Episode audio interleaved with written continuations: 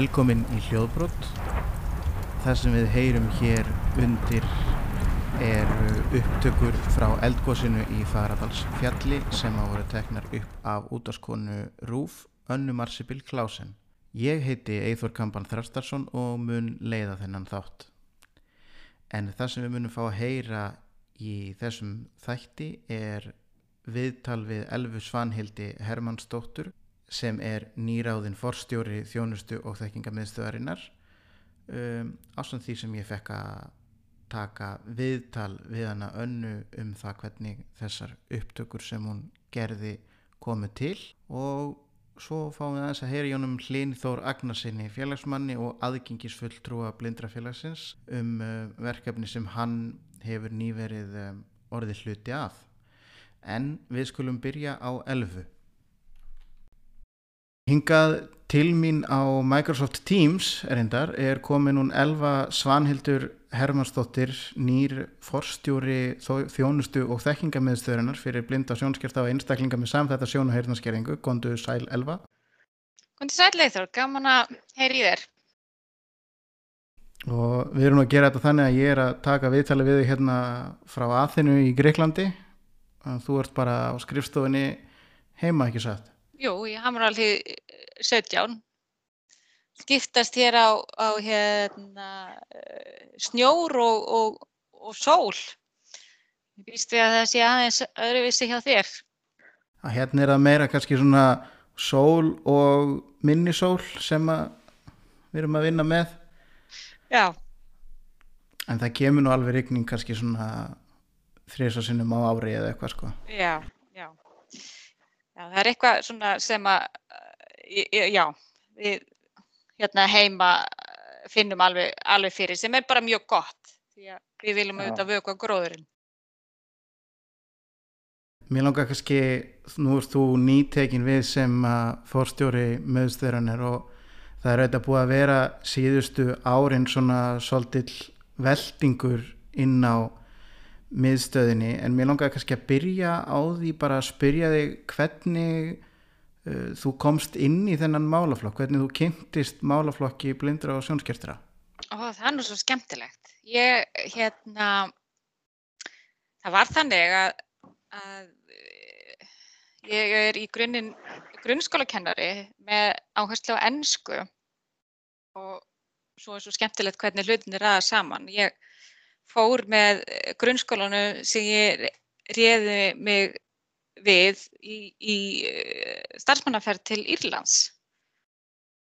Og hérna var þá að aðstofa þá sem að voru ekki eins leipir í ennsku og var að þýða svona jafnáðum fyrir fólkið og, og svona og mjög skemmtilegt.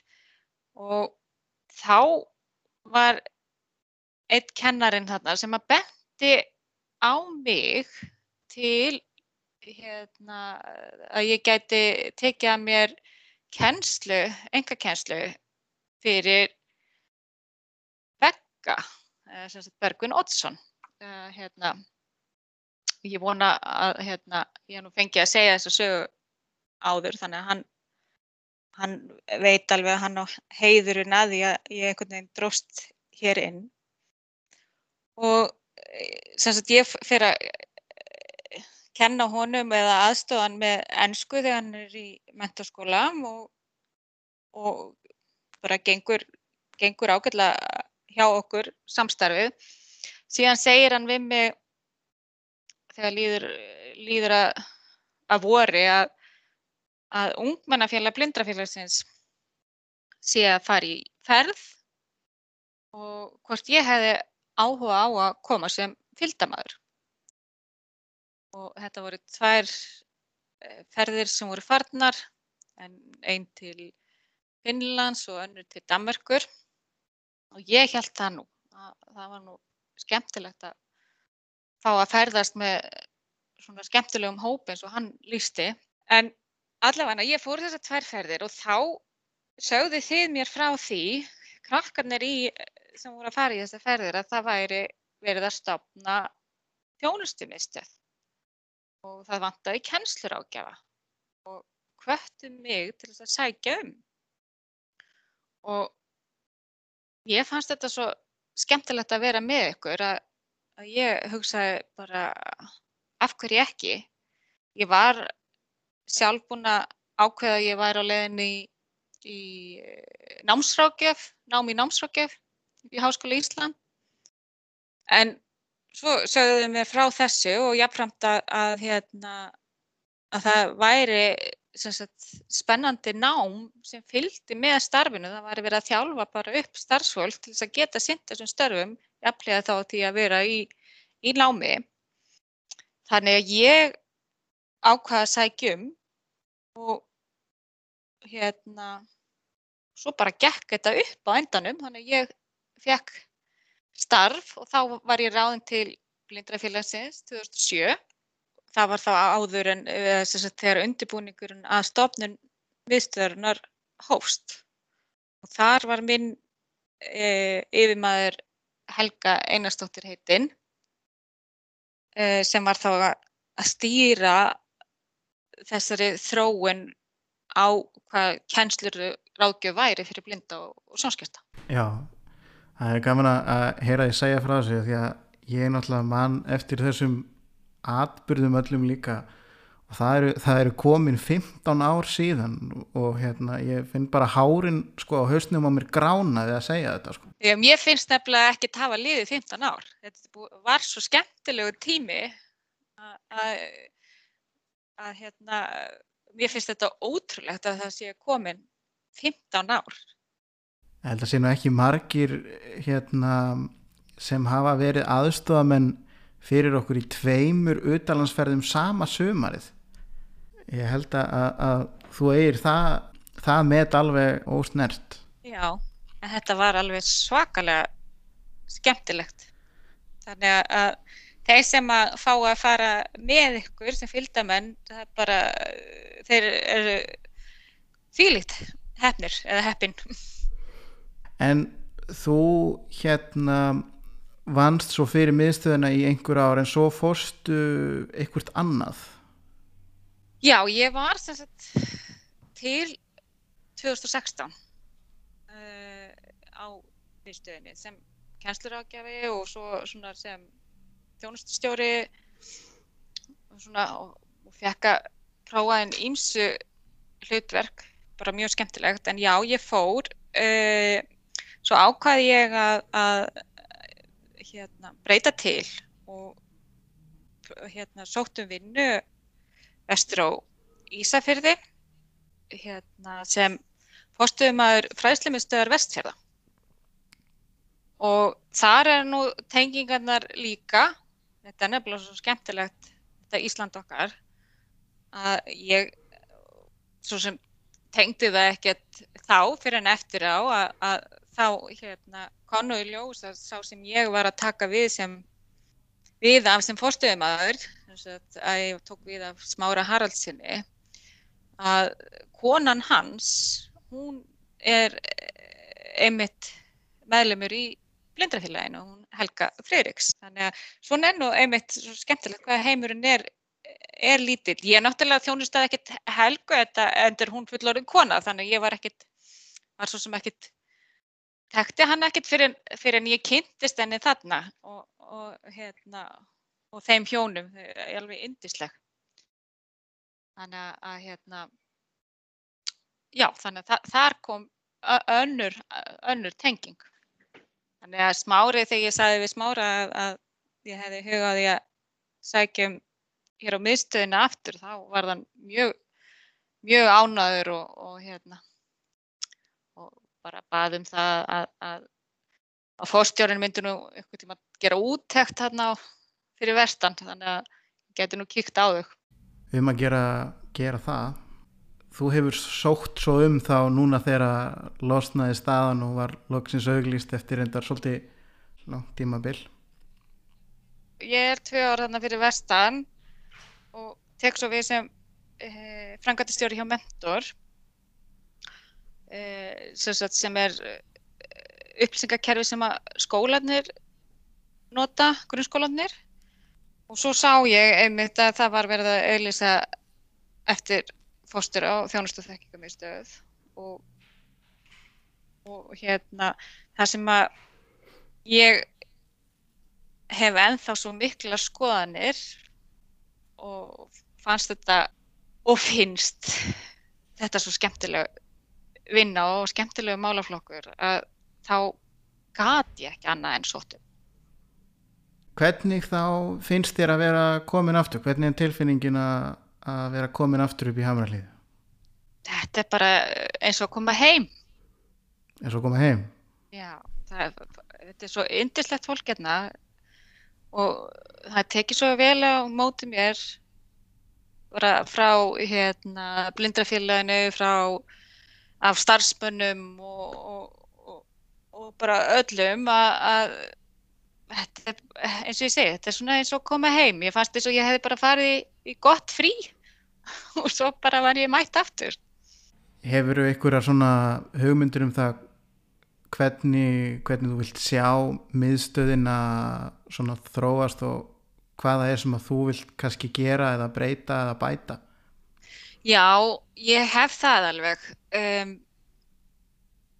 við erum, blindrafélagið er þegar búið að vera í svona smá umræðum hvort að þurfi ekki að fara að skoða aftur. Eins og nefnir, það var farið í vinnu að því að búa til þessa miðstöð 2005-06-07 og svo var það raunveruleika 2009 og hvort að það þurfi ekki að fara aftur í e, baklandið og skoða hverjar eru tarfinnar í dag, eru þar ennþá þar sömu.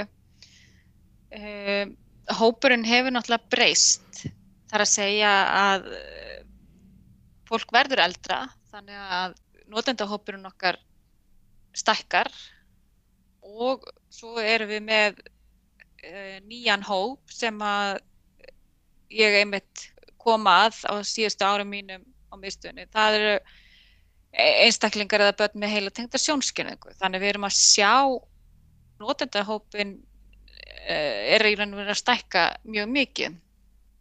Þannig ég held að við þurfum að skoða það og skoða þarfinnar hjá hópnum og svo er auðvitað tæknimálinn sem að er uh, bara bæði besti vinnur okkar en svo mesta áskorunin líka því að við erum náttúrulega bara að sjá það að, að tölfur og tækni að þetta er orðið hluti að það sem að kallast bara aðdafni daglegs lífs. Að þetta sé ekki orðið eitthvað sér fyrirbæri tölfur og tækni heldur er þetta bara hluti af þessu daglega lífi. Þanga þurfum við svolítið að að setja meira púður í. Og svo erum við náttúrulega líka að sjá bara eins og með aðgengi og breytingar og lögum aðgengi á efni að, að hérna, það eru farin að verða að gerða meiri kröfur til þá sem eru í útgáfu á bókum um að þær séu aðgengilegar, að þurfu ekki stöðu þetta aðlaga. Þannig við gætum þurft að vera í einhverju fræðslu þar Þannig að það er, það er nóg að taka og svo hefur við náttúrulega verið líka að móta þetta hundaverkefni. Það er náttúrulega búið að vera í gangi frá 2006 og, og er að bara að halda áfram að vaksa og er bara komið á nokkuð gott flug og það þarf að halda áfram að vinna með það. Já, það er fullt af, fullt af skemmtilegum stórum verkefnum framöndan. En Elva, hver eru svona þín næstu skref? Nú ertu búin að vera að setja í þessum stól í hvað, núna næstum því mánu og hvernig hvernig eru svona næstu, ef við tökum eins og hérna fórsett í bandaríkina næstu 90 dagarnir?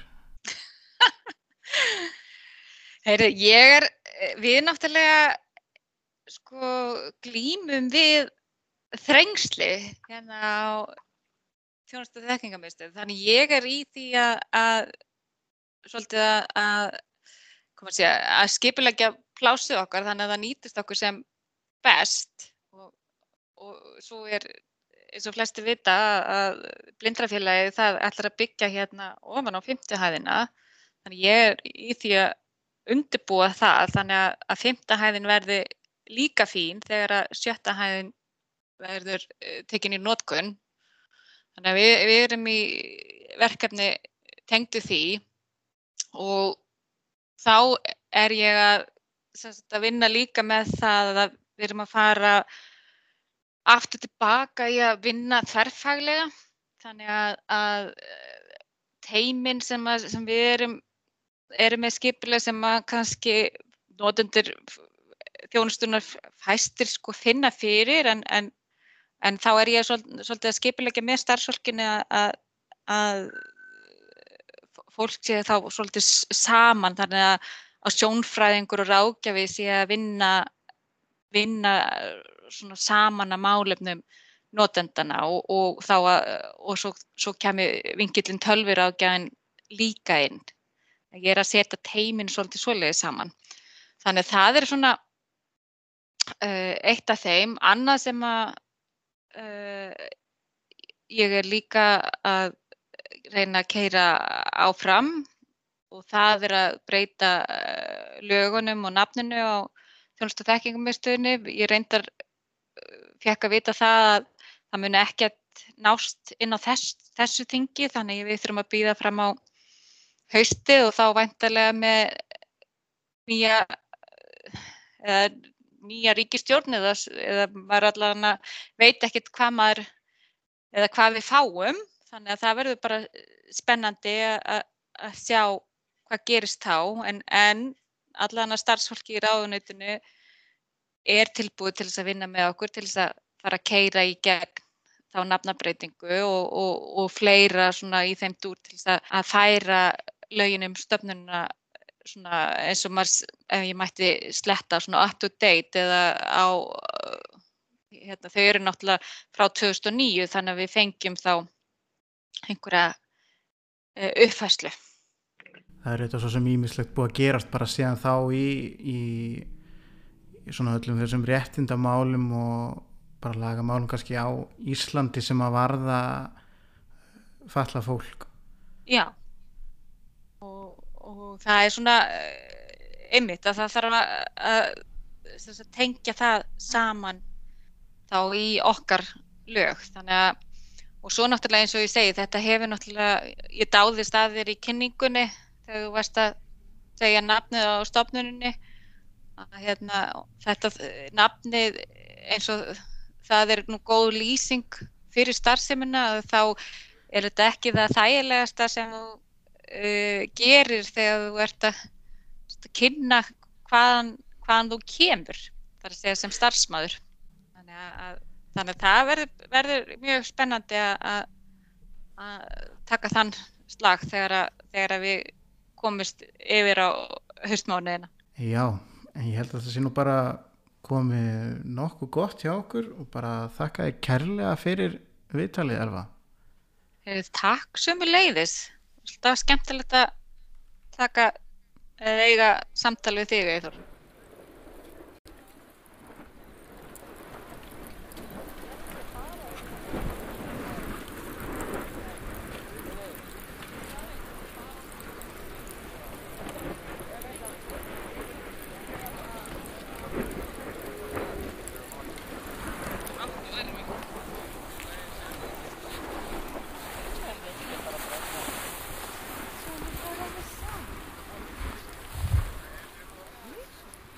Ég fekk hana önnu Marsibil Klausen sem að tók einmitt upp eldgósa upptökunar sem við heyrðum hérna í upphafi þáttarins til að veita mér smá viðtal um það hvernig þessar upptökur komu til, komið sælana.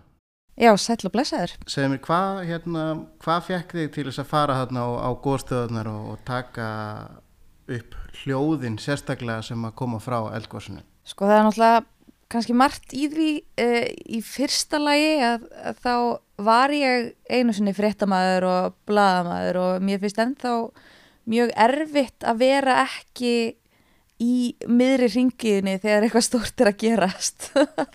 Þannig að sem dagsakjöramaður þá kannski stundum finn ég mér leið inn í ringiðina en aðal ástæðan er svo að ég elska hljóð.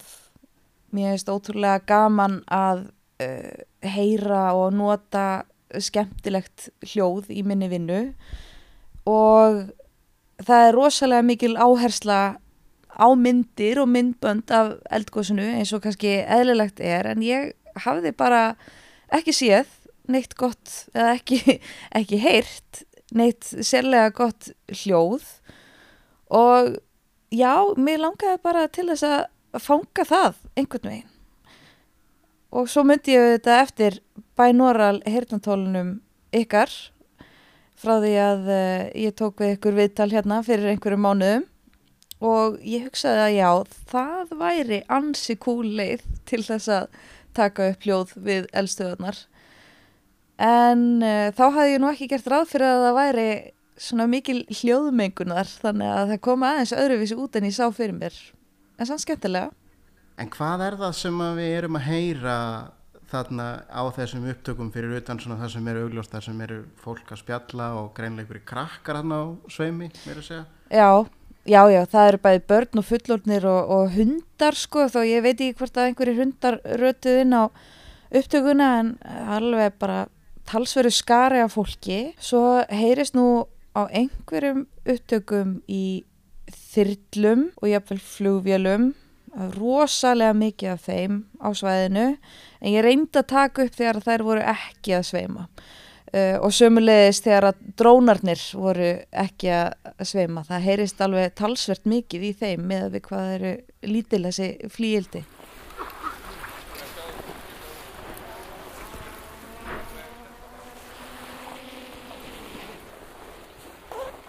En annars hljóðin í eldgóðsunu sjálfu sem að ég náði. Það er uh, það er svona raunnið að skrýða fram.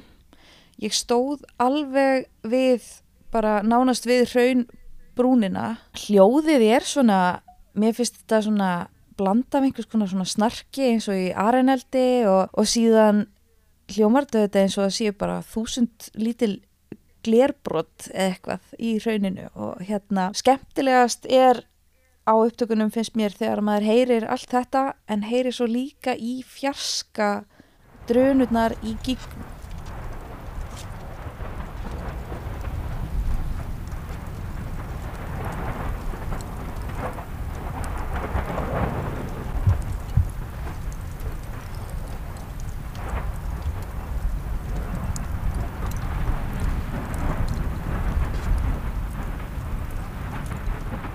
En það er svolítið, svolítið flott sko, það var hérna, jarðvísindamæður með mér á þessari göngu, ég sem sagt fekk far með jarðvísindelt háskólans. Og leðinu þarna upp eftir í vettvangsferð. Og ég röldi með Rekviði Nordal og hann var að tala um það að hann hefði hérna náttúrulega hýrt í mörgum eldgóðsum og myndi sérstaklega eftir eldgóðsunu í Vestmanneum þar sem að, uh, þar sem að sko hann heyrði hjartsláttin í gósinu eins og hann orðaði það.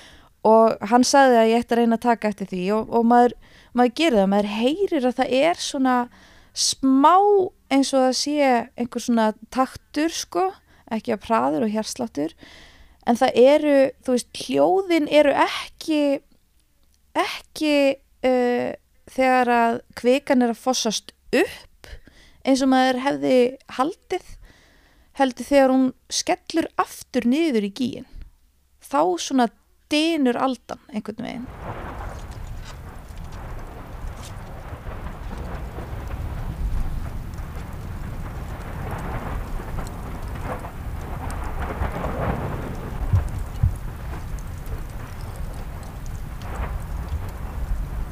Elgósi eru auðvitað að breytast rosalega mikið frá degi til dags. Það er bara, þú veist þegar ég var þarna í fyrradaga þá voru uh, já það var aðalega bara eitt gígur og svona annar pínuldi minni opnast og núna eru þeir orðin tveir einhvern veginn og, og svo minni farin að verða bara stærri en hinn ef eitthvað er.